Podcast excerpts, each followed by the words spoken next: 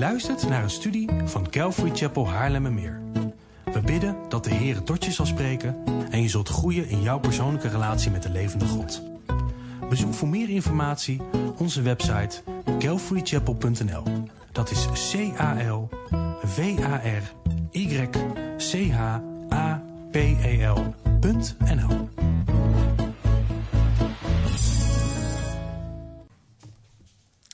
Nou, de lat ligt hoog.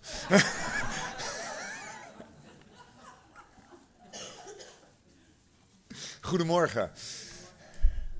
Fijn om hier te zijn. Hartelijk dank voor de uitnodiging. Ehm, ook ik krijg, kijk met heel veel plezier terug op het gesprek wat ik had met uh, Pastor Sten en ehm, de ontmoeting die we toen hadden. En ik vind het heel mooi dat het moment daar is om hier in de gemeente te zijn en te genieten van de fellowship. Van wat God in jullie midden doet. En ik vind het ook echt een eer, dat wil ik gezegd hebben, om vanmorgen met jullie het woord van God te openen. Uh, mijn naam is Leander, ik ben dus getrouwd met Joanne. Ze was net even in beeld. Ze had graag meegekomen vanmorgen, maar was uh, vanwege ziekte niet mogelijk. Um, we hebben vier zoons. Ik heb de middelste twee mee. Caleb zit hier en Josia is bij de kinderen. En de oudste is Manoa en de jongste is uh, Juda. De leeftijd van 12 tot en met 1. En we zijn ontzettend gezegend om betrokken te mogen zijn bij Hebron Missie, het werk van de Bijbelscholen, al zeven jaar. En um, uh, deze zomer hopen wij te gaan verhuizen. Mag ik voorganger worden in een gemeente um, in het zuiden van het land. Um, tegelijkertijd blijven we ook betrokken bij de Bijbelscholen. Dus we zijn ontzettend dankbaar voor wat God ons heeft gegeven en wat hij ons heeft toevertrouwd. En een van de dingen die hij ons heeft toevertrouwd is het woord, de Bijbel, het onfeilbare, door de Heilige Geest geïnspireerde woord. En dat gaan we samen openen in Filippenzen hoofdstuk 3. En het thema voor vanmorgen is Jezus alleen. Ik vond het fijn om hier vanmorgen met jullie over na te denken. Uh, veel van jullie zullen mij niet kennen. En ik dacht, het is dan wel mooi om een gedeelte te behandelen wat specifiek gaat over de kern van het evangelie. Um, het werk wat Jezus Christus heeft gedaan. Filippenzen 3. Ik lees jullie voor uit de herziene statenvertaling vanaf vers 1. Verder, mijn broeders, verblijd u in de Heer.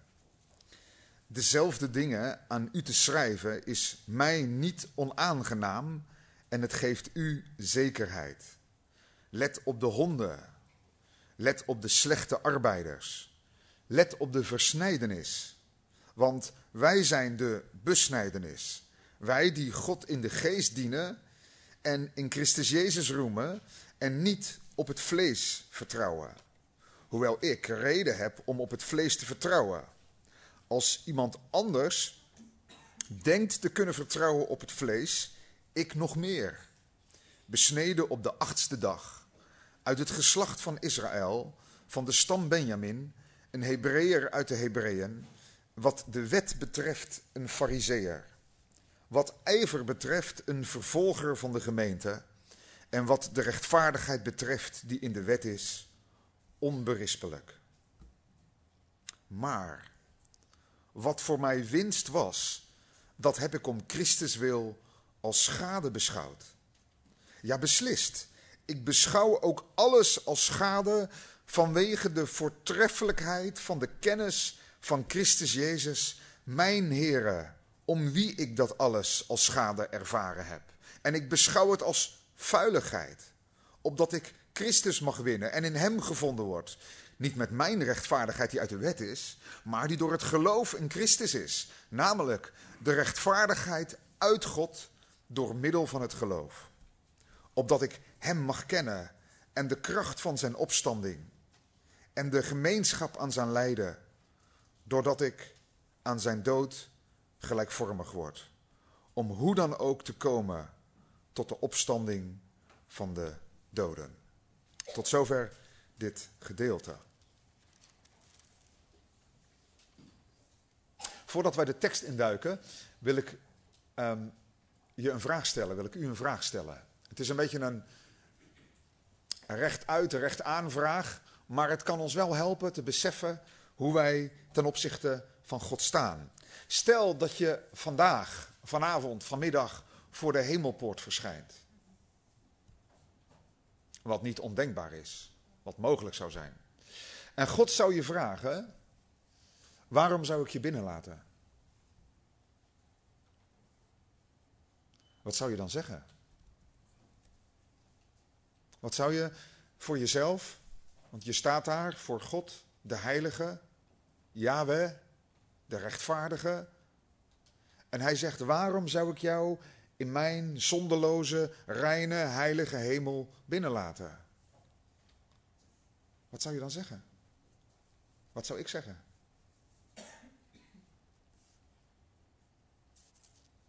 Als we een rondje zouden doen, of ik zou papiertjes uitdelen en je zou dat op kunnen schrijven.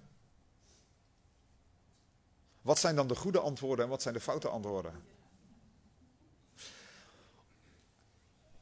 Nou, het is vanmorgen geen quiz. Het is ook geen test. Maar deze vraag kan ons wel helpen om te beseffen in hoeverre wij het evangelie echt goed begrepen hebben.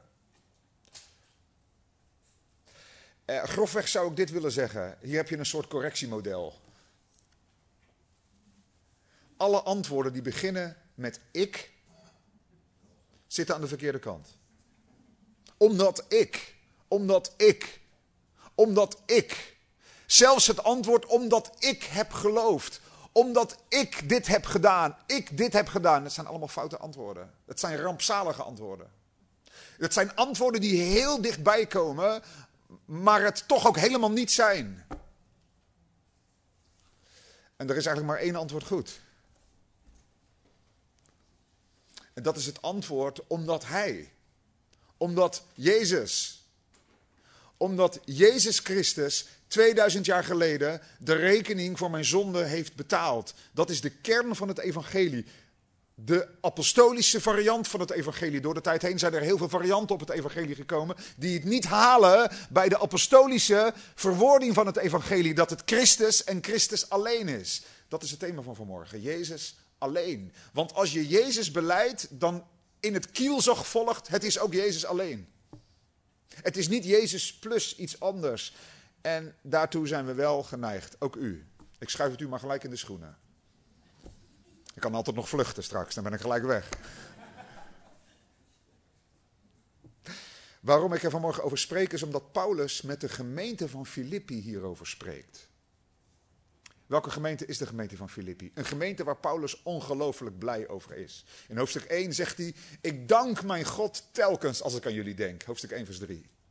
Dat is nogal een uitspraak. Als ik aan jullie denk, dan begin ik te danken. En hij beschrijft in de eerste elf versen van hoofdstuk 1 hoe hij dankt voor hen. Hoe hij vertrouwt dat God het goede werk dat hij begonnen is zal afmaken. Hoe hij naar hen verlangt en hoe hij voor hen bidt. En daarna in hoofdstuk 1 vanaf vers 12 begint hij over zichzelf te vertellen. Het is opvallend persoonlijk wat Paulus doet. Hij begint te vertellen hoe het met hem gaat in de gevangenis.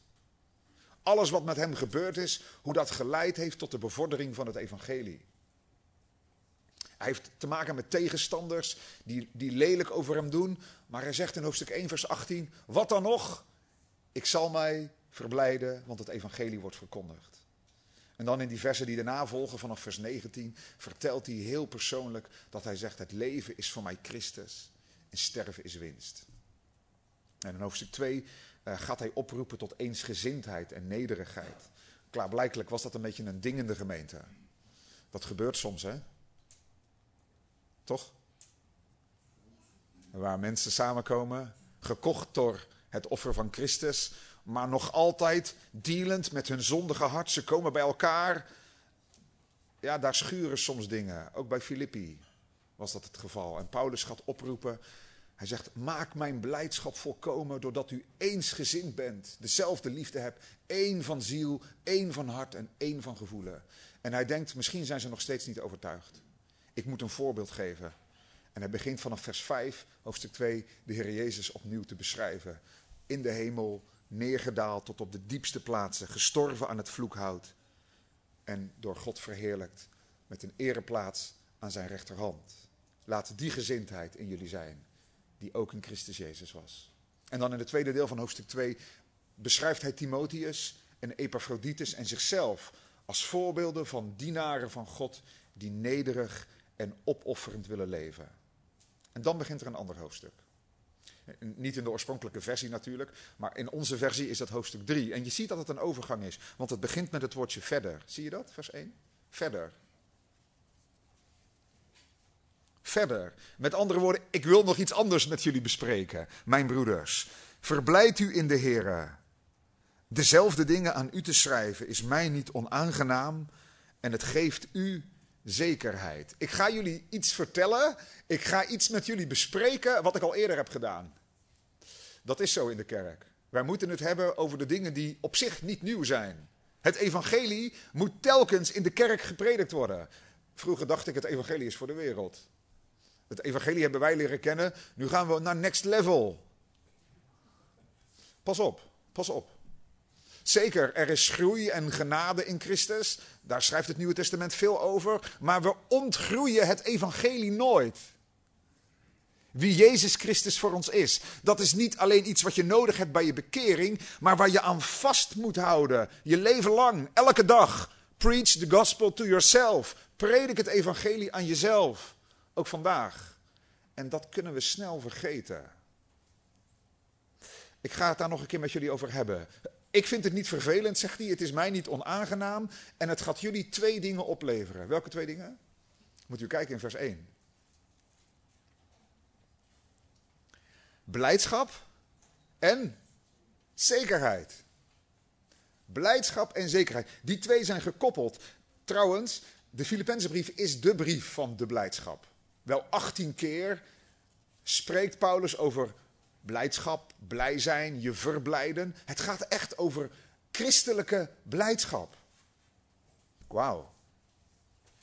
Het geheim van een christen is dat hij een vreugde kent, een joy kent, een blijdschap kent die de omstandigheden overtreft. Toen ik nog geen christen was, was dat iets wat mij aan christenen altijd intrigeerde. Ik studeerde, ik was twintig, ik, ik dacht echt ik ga het maken in het leven. Ehm, maar ik voelde altijd aan, het is ook kwetsbaar. Als ik ziek word of uh, ik beland in een rolstoel of weet ik veel, er gebeurt iets met me. Kan ik dan gelukkig blijven? En in mijn omgeving kende ik christenen, oudere christenen, jongere christenen, die, die echt getuigden van een blijdschap die boven de omstandigheden uitging. Die al waren ze ziek, of waren ze arm, of haalden ze een examen niet, of verloren ze dierbare mensen. Er was toch een rust in hun hart, een blijdschap in hun hart die niet geroofd kon worden. Daar was ik altijd jaloers op. Misschien herken je dat wel. Weet je waar die blijdschap vandaan komt? Die komt van het evangelie.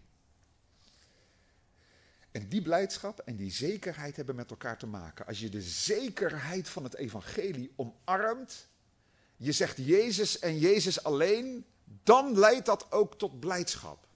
Maar geef je de zekerheid van het evangelie prijs, ik kom daar zo uitgebreider op, dan verlies je ook je blijdschap. Dus de mensen die de eerste vraag van deze preek, wat zou je zeggen voor de hemelpoort, beantwoorden met ik, beleiden niet meer Jezus alleen. En let op, dat zijn ook de mensen die hun zekerheid kwijtraken en vervolgens ook hun blijdschap verliezen. Want je verbindt je behoudenis, je verbindt je eeuwige leven en daarmee je zekerheid en je blijdschap aan andere dingen dan aan Jezus alleen. En dat is de ellende. En nog een keer, jij en ik zijn daartoe geneigd. Dat zit in ons. Ik ga het er gewoon nog een keer over hebben, zegt Paulus. Dezelfde dingen. Voor mij is het niet lastig om dit te bespreken, niet onaangenaam. En het geeft jullie blijdschap en zekerheid. Ik wil je een vraag stellen. Denk jij, geloof jij dat jij, dat u het evangelie nodig hebt? Ik spreek tegen christenen. Geloof jij dat jij elke dag en ik opnieuw het evangelie de kern van de boodschap, Jezus Christus zelf, moeten omarmen om uit Hem te leven? En geloof je ook dat als je dat gaat nalaten, je op een ander evangelie gaat hopen? Je die eerste vraag van vanmorgen anders gaat beantwoorden? Oké, kijkt u met me mee. Hoe gaat Paulus dat aanvliegen? In vers 2 en 3 gaat hij eerst een waarschuwing geven. Hij ziet als een soort watcher kijkt hij om zich heen, hoewel hij in de gevangenis zit. Hij heeft dat misschien van Epaphroditus gehoord. Die is vanuit Filippi naar Rome gekomen. En die heeft hem misschien verteld, er is wat gaande in de gemeente. Het gaat supergoed, maar Er zijn ook wat stemmen in de gemeente die. En Paulus ziet dat en hij denkt: daar moet ik met hen over praten. Hij beschrijft een gevaar, vers 2 en 3, is een serieuze waarschuwing. En dan in vers 4 tot en met 6 beschrijft hij eigenlijk zijn oude leven, zijn oude cv, mag je ook zeggen. Zijn, je mag het voor mij ook noemen zijn religieuze bestaan voordat hij Jezus Christus leerde kennen. En dan vanaf vers 7 tot en met vers 11 beschrijft hij zijn nieuwe leven. Hoe hij de Heer Jezus als zijn schat heeft leren kennen tot op de dag waarop hij dit schrijft. Ik ga eerst met jullie naar die waarschuwing. Dan gaan we kijken naar Paulus' oude leven, zijn oude cv. En dan naar zijn nieuwe cv, waar hij nu op hoopt. Vers 2. Let op de honden. Let op de slechte arbeiders. Let op de versnijdenis. Drie keer let op. Honden, slechte arbeiders, versnijdenis. Wat denkt u wat Paulus bedoelt? Als je een beetje bekend bent met de brief en ook met het woordgebruik van de apostel Paulus, dan denk ik dat je al vrij snel komt op het gevaar vanuit een Joodse richting. hij maakt een soort woordspeling met versnijdenis, wat natuurlijk te maken heeft met besnijdenis. Honden, dat was juist een scheldwoord wat Joden gebruikten voor heidenen. En hij heeft het in het midden over slechte arbeiders. Ik ga ervan uit dat hij één groep mensen bedoelt, één fenomeen hier bespreekt. Namelijk dat, en dat kun je uit de achtergrond opmaken, dat er mensen in de gemeente zijn, waarschijnlijk met een judaïstische achtergrond, die zeggen: Mooi dat jullie in Jezus geloven, maar ben je ook besneden?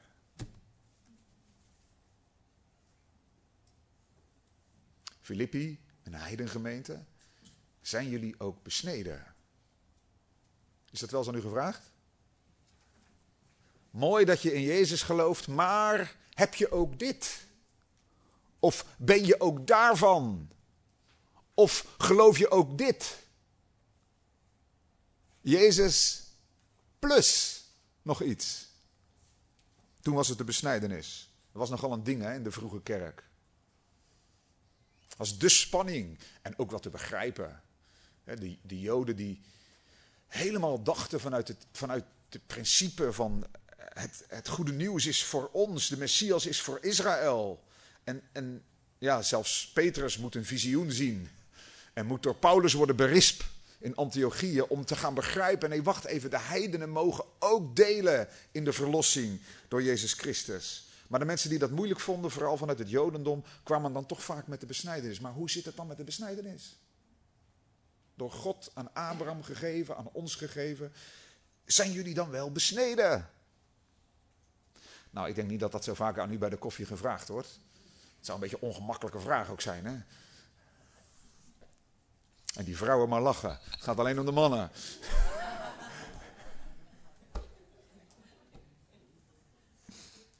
Pas op, er zijn ook plussen waar vrouwen voor kunnen vallen. Let op, zegt Paulus. Let op. Want, vers 3, wij zijn de besnijdenis. Wij die God in de geest dienen en in Christus Jezus roemen en niet op het vlees vertrouwen. Waar die in vers 2 drie kenmerken geeft van die dwaalleer, die potentiële dwaalleer, geeft hij in vers 3 drie kenmerken van de christen die blijft bij het evangelie. Hij zegt, wij zijn de besnijdenis. Hey, dat, dat rijmt natuurlijk met dat woord versnijdenis. Dat heeft de HSV goed, goed gedaan, goed gevonden. In het Grieks is het ook zo. Katatomen en peritomen, dat zijn woorden die, die Paulus gebruikt. Versnijdenis is letterlijk kapot snijden. Als je hoopt op de besnijdenis buiten Jezus, dan is de besnijdenis niet meer dan het verminken van jezelf, zegt hij. Je snijdt het kapot. Het heeft helemaal geen waarde buiten Christus. Het besnijdenis heeft geen waarde op zich. Het heeft alles te maken met wat Jezus heeft gedaan. Het wijst allemaal heen naar Jezus. Maar als je Jezus plus de besnijdenis roemt, als je zegt eigenlijk het gaat om die besnijdenis. En dat is de ellende met plussen in de gemeente. Als wij hier zeggen Jezus plus dit, plus dat. Ik ga zo nog actuele plussen noemen. dan gaat het in de gemeente altijd over die plussen. Vaak zijn dat dingen die we kunnen doen. Die je in je zak kan steken. Je kan zeggen, ja, natuurlijk, we vertrouwen op Jezus, maar we zijn ook besneden. Wij zijn de besnijdenis. Wie dan, Paulus? Wie bedoel je dan? Wie zijn dan de echt besnedenen? Hij zegt nou niet degene die zich alleen maar kapot laten snijden, die zich laten besnijden in het vlees alleen, maar wij die God in de geest dienen. Met andere woorden, wij die niet hopen op het vlees, op iets wat je kan doen, op inspanningen van onze kant, maar die hopen op wat God in de geest in ons leven heeft gedaan. Wij die besneden zijn naar het hart. Bij wie de binnenkant is besneden. Wat loop je nou stoer te doen met die fysieke besnijdenis van je? Het wijst alleen maar heen naar de besnijdenis van het hart. Daar had Jeremia het over, daar had Mozes het over in Deuteronomium. Daar draait het om. Romeinen 2, vers 28 en 29. Ik zag dat jullie een serie doen over de Romeinenbrief. Daar, daar, daar, daar behandelt Paulus dat. Het gaat om de besnijdenis van het hart. Dat je God in de geest dient. Wie gaat straks voor de hemelpoort staan en zegt, als God je vraagt, waarom zou ik je binnenlaten? Zeg ja heer, ik wil het toch niet ongenoemd laten. Ik ben ook, ben ook besneden.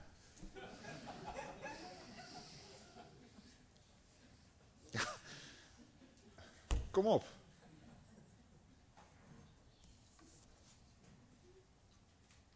Ja, hier lachen we om, hè? Omdat de besnijdenis voor ons niet zo actueel is. We zitten al een beetje te wachten op de plussen van nu. Hè? Ja, denkt u alvast maar na. Denkt u alvast maar na. En, en het laatste kenmerk van, van een christen die God in de geest dient, die de ware besnijdenis ondergaan heeft.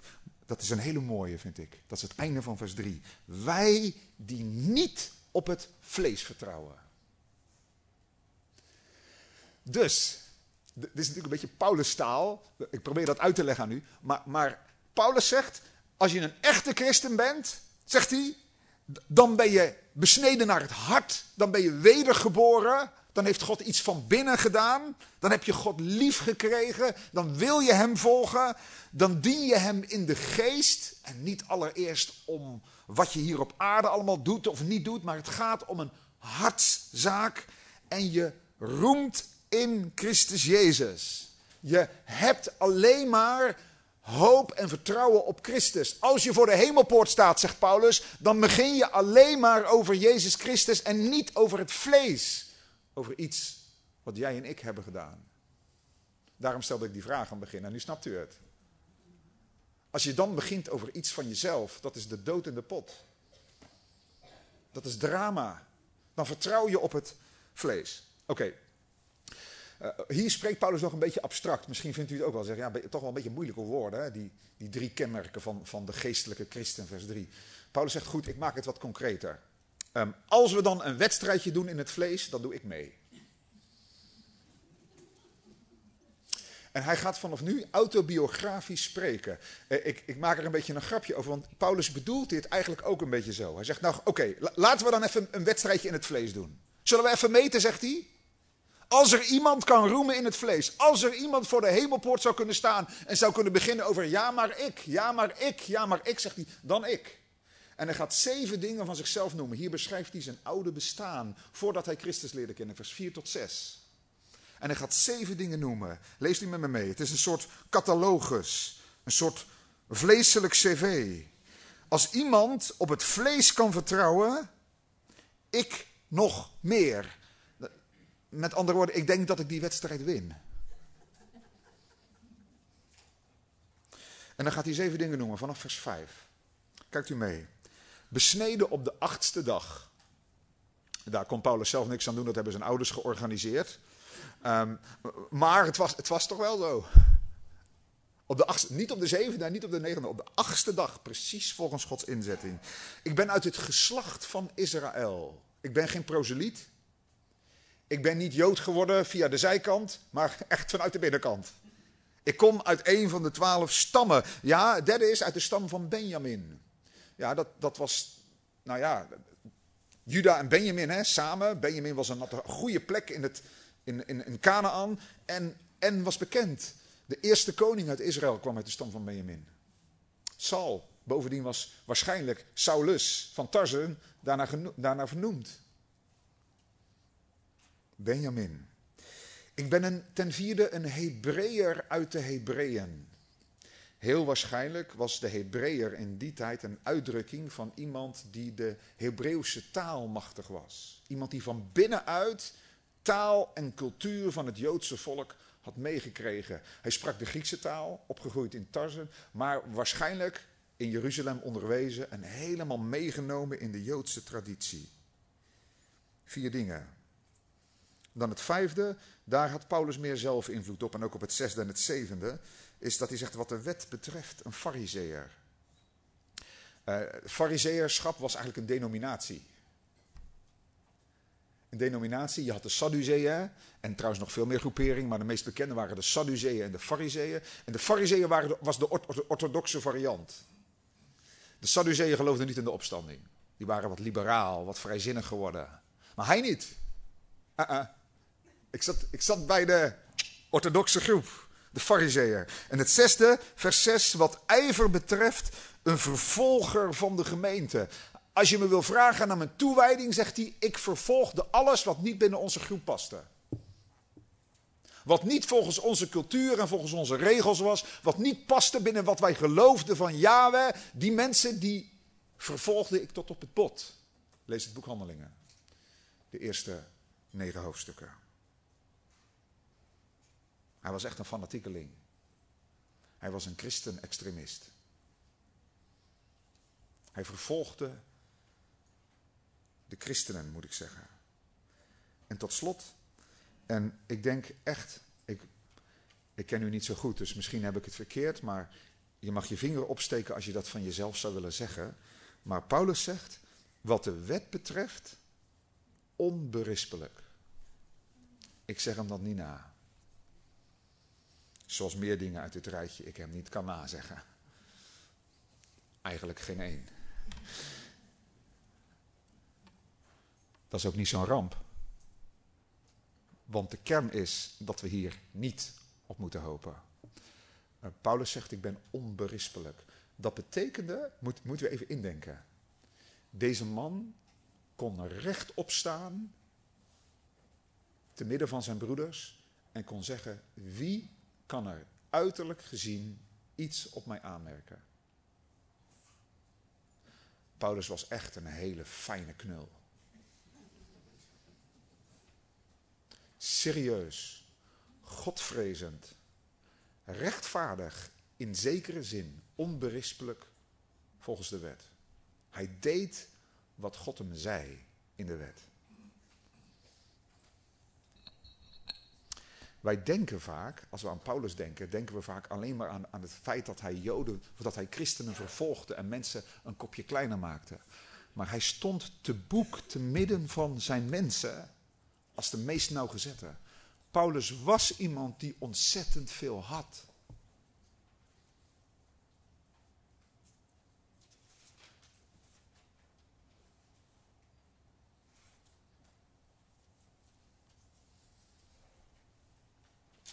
Misschien waren ze een. Uh, de mensen uit zijn Bijbelkring altijd wel heel jaloers op hem. Heel ijverig, toegewijd thuis in de schriften. Beetje spannend dit, hè? Misschien denk je, waar ga je nu heen? Het zijn toch allemaal goede dingen? Zeker. Maar waardeloze dingen om op te vertrouwen voor de hemelpoort.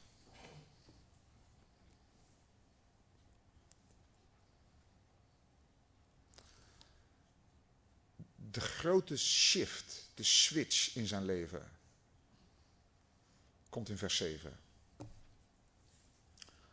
Maar wat voor mij winst was. En het woord winst betekent hier, is eigenlijk een boekhoudkundige term. Paulus is een boekhouder in dit stukje.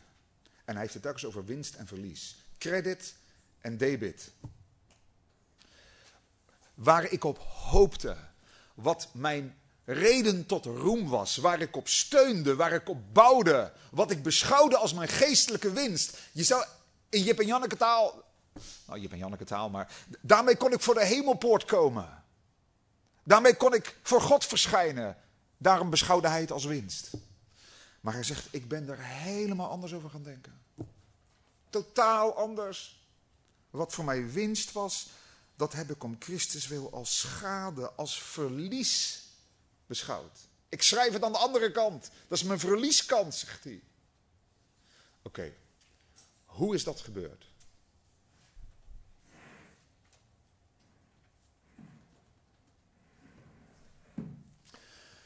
Um, ik neem je even mee naar het verhaal. Uh, de kinderen, er zijn natuurlijk best wat kinderen die, die kennen dat verhaal ook. Je weet het, hè, dat Paulus op een gegeven moment dacht: ik ga ook mensen in Damascus die in Jezus geloven en die zeggen dat Jezus de Messias is, ook in Damascus ga ik ze gevangen nemen en uh, misschien wel vermoorden. En op een gegeven moment heeft hij uh, een soort brieven gekregen, jongens en meiden. En uh, gaat hij, waarschijnlijk met een heel groep mensen, gaat hij van Jeruzalem naar Damascus. En je weet wat er gebeurt. Hè? Hij zit daar op zijn paard, of op zijn ezel. En plotseling schijnt er een fel licht. En hij valt op de grond. En hij wordt helemaal verblind. En hij is helemaal de weg kwijt. En hij zegt: Wie bent u? Wie bent u? Weet je wat Paulus dacht? Ik heb altijd lang gedacht dat Paulus dacht: Ik, ik ga dit niet overleven. Wat gebeurt er hier? Ik overleef dit niet. Ik denk bij nader inzien dat Paulus dat niet dacht. Paulus kende namelijk het Oude Testament supergoed. Weet je wat hij dacht? Waarschijnlijk. Aha, dit is wat Abraham heeft meegemaakt.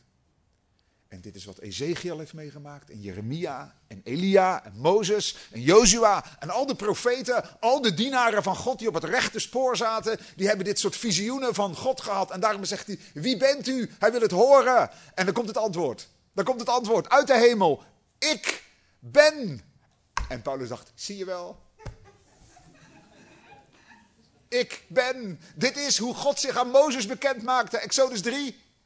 Ik ben, daar gaan we. Ook ik ben een van de mannen die Gods goedkeuring krijgt. Die, God, die zijn roeping bevestigd krijgt. Ik ben. En dan komt het. Ik ben Jezus.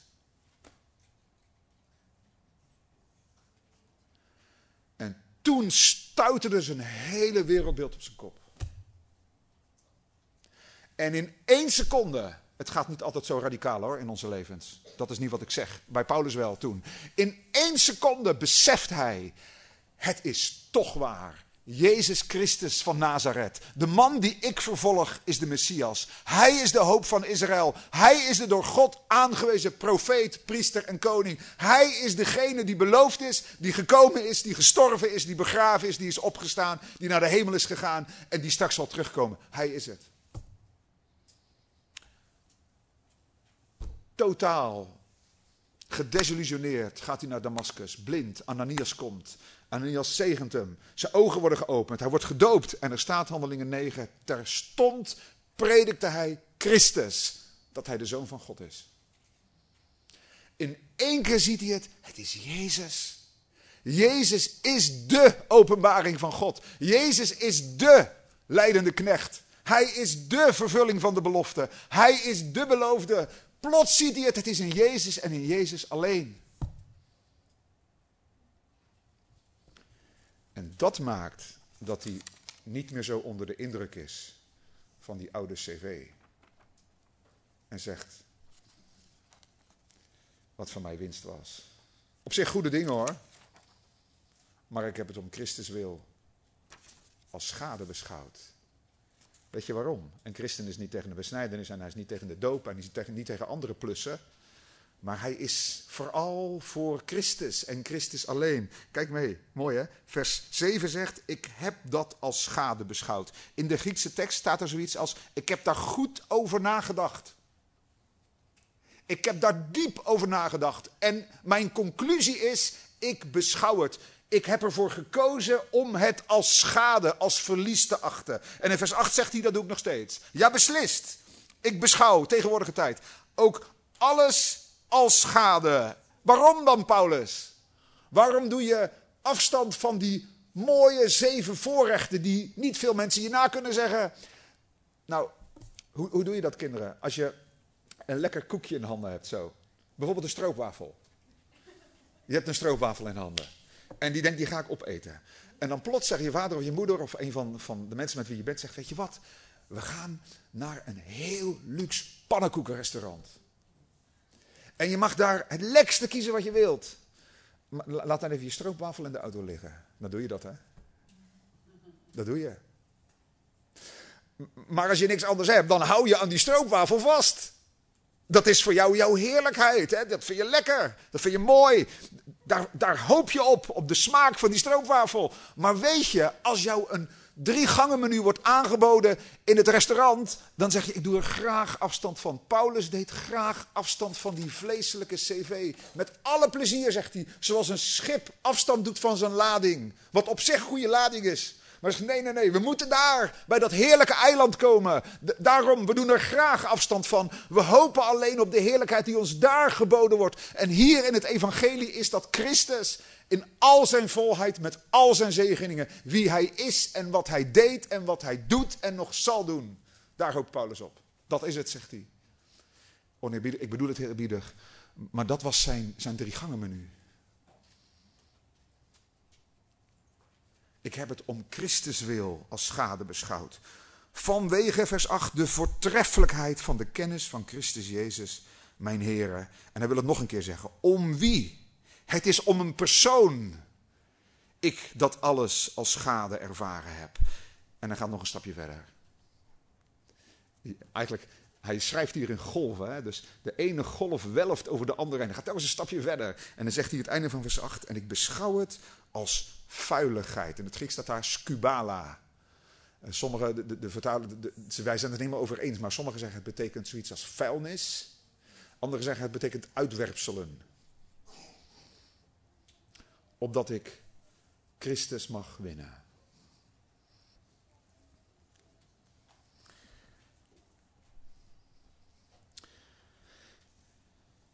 Even tot zover. Ik wil even naar ons toe. zou dit ons ook kunnen overkomen. Dat wij stiekem toch op andere dingen gaan hopen dan op Jezus alleen.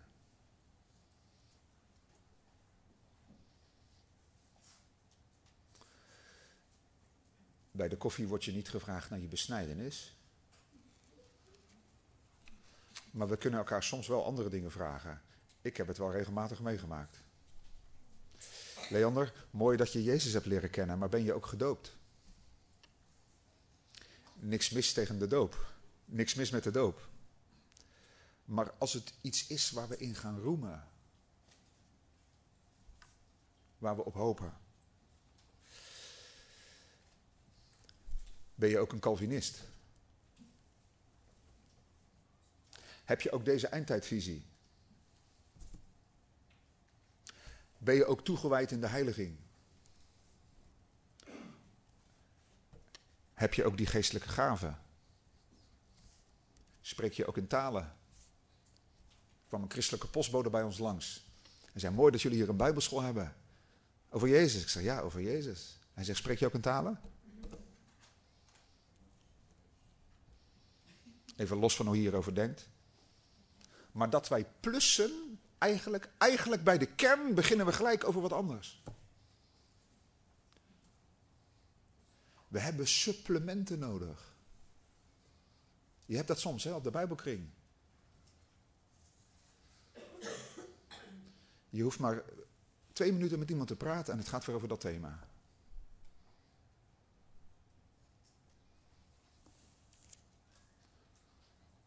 Zet je dat op je briefje voor de hemelpoort?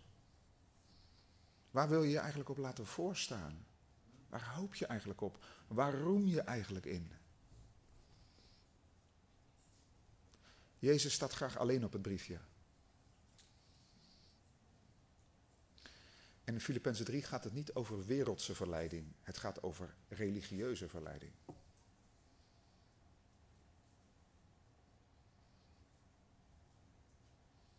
Je visie op dit.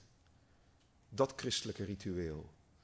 Dingen die op zich goed zijn, maar die de aandacht van Jezus kunnen afhalen. En ik zei, in de gemeente gaat het dan vaak over die plussen. Weet je waarom? Dat zijn vaak dingen die wij kunnen doen, kunnen hebben, kunnen bemachtigen. Mijn ervaringen met God. Je hebt niet voldoende aan het geschreven woord. Maar je hoopt van binnen op een bijzondere ervaring met God. Een spreken van God, een fluisteren van God in je oor. Ik, ik zeg niet dat God niet tot zijn kinderen spreekt. God spreekt tot zijn kinderen. Maar dat wij gaan hopen op van die bijzondere dingen, snap je?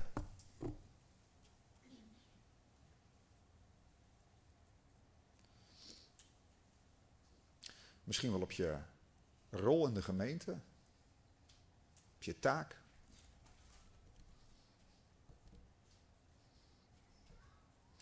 Misschien steun ik wel op mijn goede preken, als ze al goed zijn. En dan rijd ik straks naar huis en denk ik, ja, ik voel me eigenlijk wel lekker. Waarom eigenlijk? Natuurlijk, je mag dankbaar zijn voor wat God geeft. Maar waar hoop je op van binnen? Waar verbind je je vreugde aan? Waar verbind je je zekerheid aan? Vers 1. Want wacht even. Totdat je een keer stevige kritiek krijgt op je preek. Of je geen ervaring hebt met God. Of je in een kring komt waar je niet meetelt. En niet gezien wordt. En niet het woord krijgt. Is je vreugde dan geroofd? Weet je wat de bevrijding is? Dit is echt bevrijdend. Dit is, dit is heel scherp hè, wat Paulus doet. Hij gaat eigenlijk heel spannend maken. Daarom houdt hij het bij zichzelf.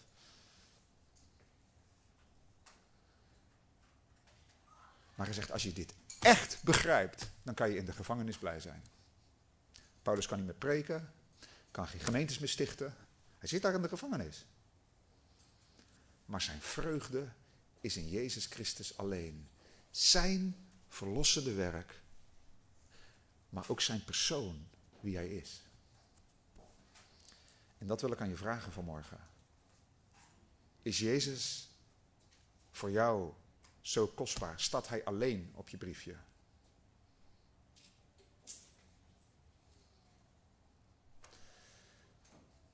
Misschien zit er wel een van de kinderen hier en die zegt: Ehm, ik zou dan eigenlijk wel aan Paulus een vraag willen stellen. Bijvoorbeeld, maar waarom ben je dan zo blij met Jezus? Hij zegt, en dat is het laatste wat ik zeg vanmorgen. Hij zegt over zijn relatie met Christus vier dingen. Die ga ik niet uitgebreid behandelen, maar ik wil ze wel noemen. Als je in je Bijbel kijkt, zie je ze zo staan. Hij zegt vier dingen. Het eerste is dat hij zegt: vers 8. Ik wil Hem kennen. De kennis van Christus Jezus. Hier slaat de religie om in relatie. Dat ik de Heer Jezus en zijn voortreffelijkheid persoonlijk mag kennen. Dit is, dit is de relatie die Paulus heeft met zijn verlosser. Ik vind het zo mooi dat hij zegt: Mijn Heere.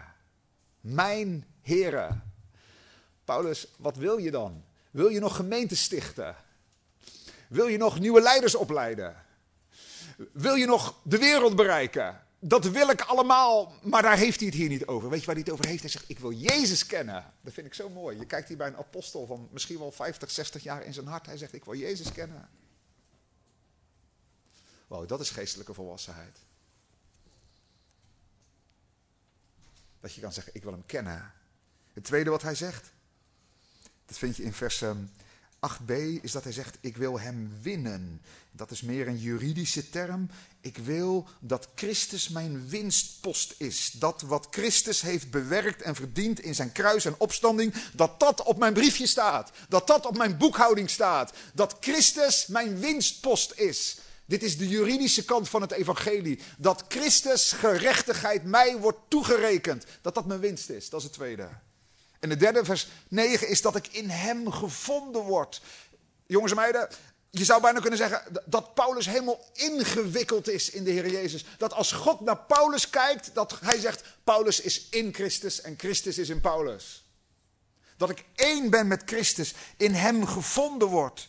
Dat als ik straks voor de rechterstoel van Christus kom, dat God, als ik daar sta, dat God weet, hij is in Christus. In Christus is hij reeds vrijgesproken. Hij hoort bij hem, hij is één met Jezus.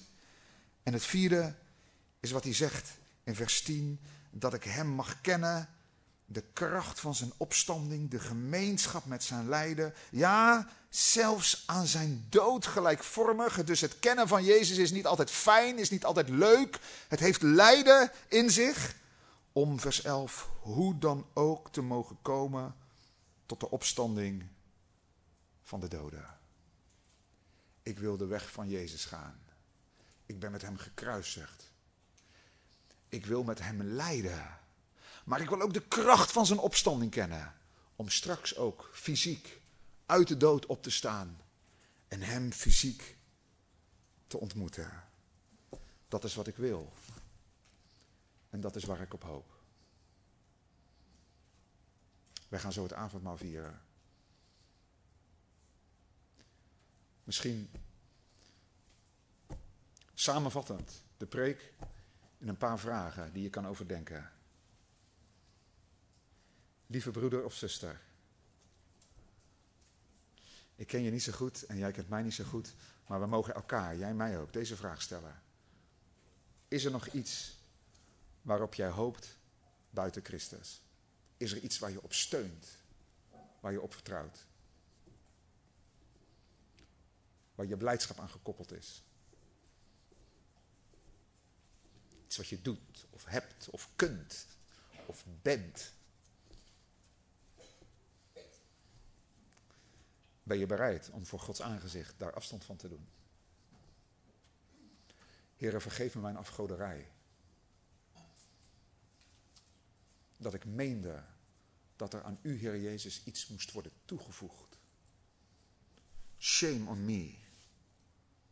Wat een belediging voor het offer van Christus. Wat een lelijke zonde. Om als kind van God te hopen op iets buiten Christus. Ik bekeer me daarvan. Ik doe er afstand van in die zin dat ik er niet meer op bouw en niet meer op vertrouw. Ook al zijn het misschien hele geestelijke dingen die het in de kerk supergoed doen. Waar je aanzien mee krijgt onder de christenen. Ik wil roemen in Jezus alleen. Mijn tweede vraag. Als je zegt, ja, dat, dat ga ik doen. Ik ga zo het avondmaal gebruiken en ik ga de Heer zeggen, ik roem in Jezus alleen. In Christ alone, zegt het lied. My hope is found. Dan wil ik je vragen, heb je vervolgens, net als Paulus, ook een super diep verlangen om Hem te kennen? Niet wat je doet of wat je kunt in Gods koninkrijk. Allereerst maar om Hem te kennen. Ook in de gevangenis. Misschien zit je wel figuurlijk in de gevangenis. Heb je een moeilijke tijd in je leven. Dit kan je. Misschien lichamelijk zwak. Misschien ziek. Misschien door mensen niet gezien, maar dit kun je. Je kunt Jezus kennen. You can always go deeper in the Lord. Je kan hem altijd dieper leren kennen. Heb je dat verlangen? En strek je je daarnaar uit. Ik wil mijn verlosser kennen. Ik wil met hem leven. Ik wil deze nieuwe week. Wil ik echt op zijn persoon en op zijn werk gefocust zijn. Ik wil het over hem hebben. Ik wil op hem vertrouwen. Laten we samen bidden.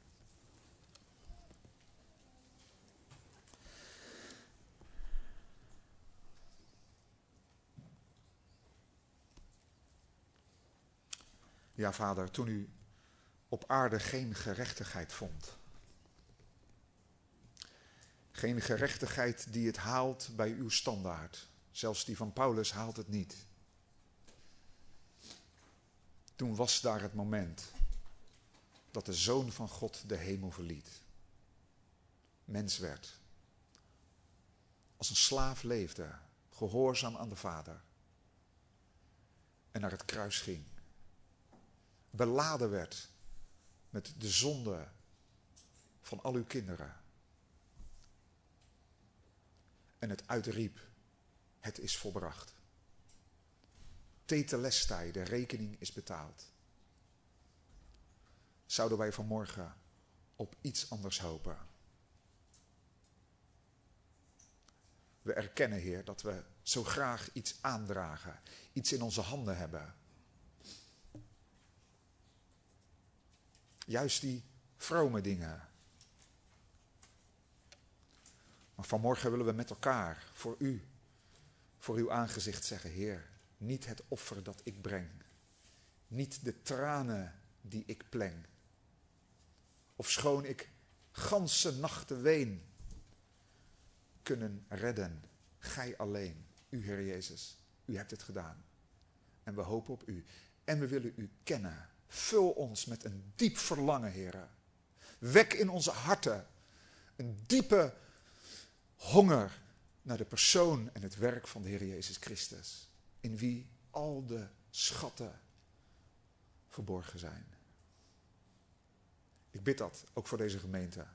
Ik bid het voor mijzelf, voor ieder, voor de jongeren en de ouderen. Dat we roemen in Christus alleen. Hem volgen, Hem gehoorzaam zijn, Hem dienen uit dankbaarheid voor wat Hij, wat U, Heer Jezus, voor ons hebt gedaan. Halleluja. Amen.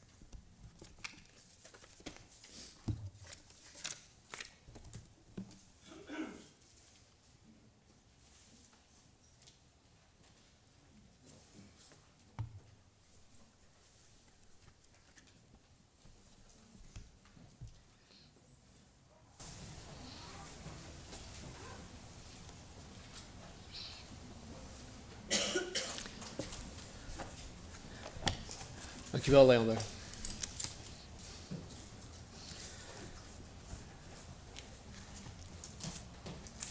Ik spreek nu even voor mezelf, maar ik ben diep onder de indruk van Jezus Christus vanmorgen. Voor mij is alles weer op scherp gezet. Over wie hij is. En zoals Paulus ook schrijft, de kennis van zijn voortreffelijkheid. Het is onvoorstelbaar hoe veel liefde hij voor mij, voor ons heeft. Wij vieren vanmorgen het heilige, avondmaal. Uh, we gaan stilstaan bij het volmaakt en volbracht offer van Jezus aan het kruis. We denken hiermee aan Jezus, de Jezus die vanmorgen gepredikt werd.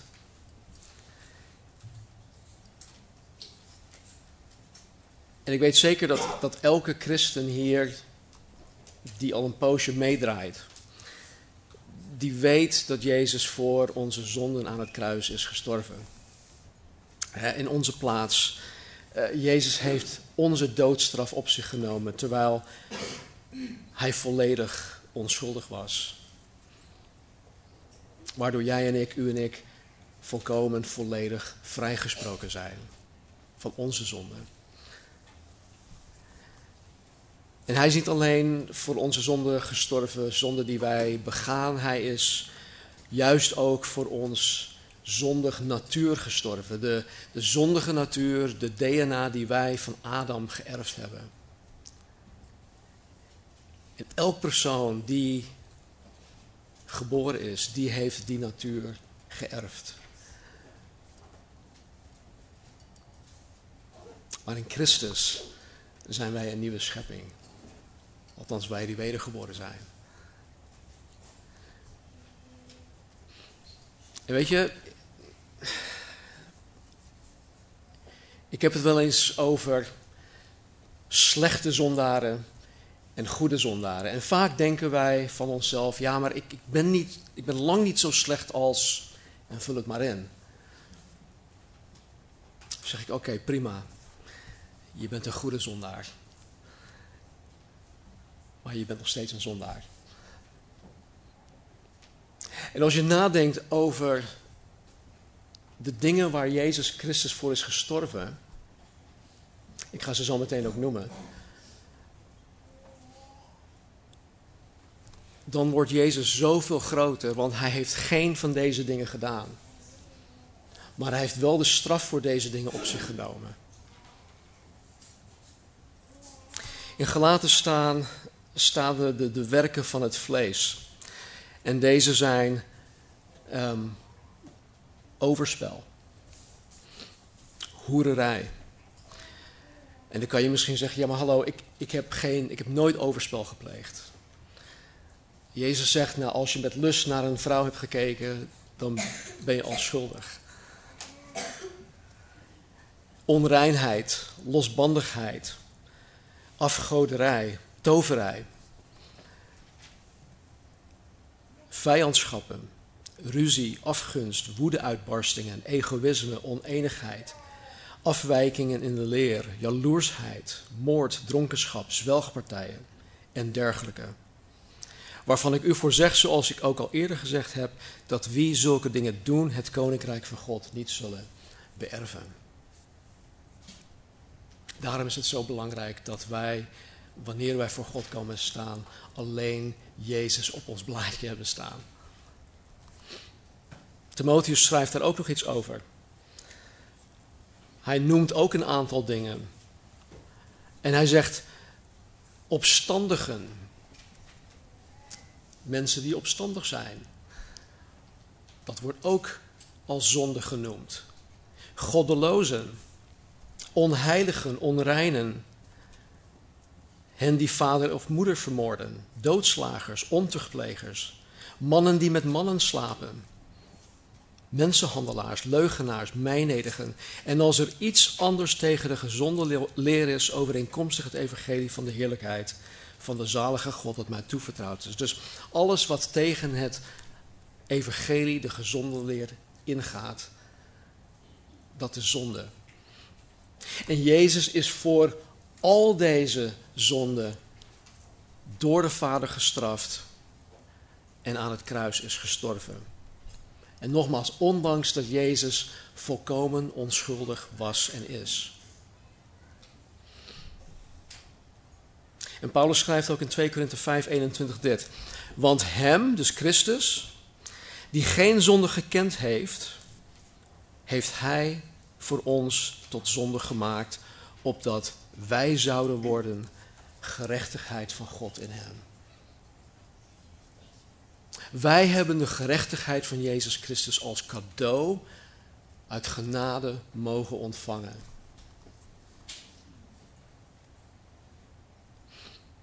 En dit heeft Jezus voor mij en voor jullie die wedergeboren zijn gedaan. En dit mogen wij vanmorgen met elkaar vieren. Jezus alleen. Daar draait alles om. Het draait alleen om Hem. Het muziekteam die zal ons zo meteen uh, begeleiden met een aantal liederen. Um, er zullen drie mannen staan aan de achterkant, aan de achter in de zaal. Uh, dus als jullie willen, um, staan van je plek op en pak de elementen, neem ze dan weer terug naar je plek. En dan kom ik zo meteen weer naar voren toe en dan kunnen we dat samen nuttigen. En normaal gesproken heb ik hier wat uitgebreidere uitleg over, maar als ik nu even inhaak op wat Leander vanmorgen zei. Als jij voor 100% zeker bent dat wanneer je voor God komt te staan, en als jij alleen Jezus op dit blaadje hebt staan, dan mag je deelnemen aan het Heilige Avondmaal. Want alleen wedergeboren christenen die mogen hier aan meedoen. Dus neem zo meteen even de tijd. Uh, misschien moet je zonde beleiden, dat hoef je niet bij mij te doen. zet dingen met God recht vanuit je eigen kant. Hè, want in Christus zijn wij eigenlijk al positioneel volmaakt. Maar er kunnen dingen vanuit jouw kant tussen jou en God instaan. En dan uh, neem de elementen weer terug. Dan kom ik even naar, naar voren toe en dan kunnen we dat samen met elkaar nuttigen. Ja? Oké.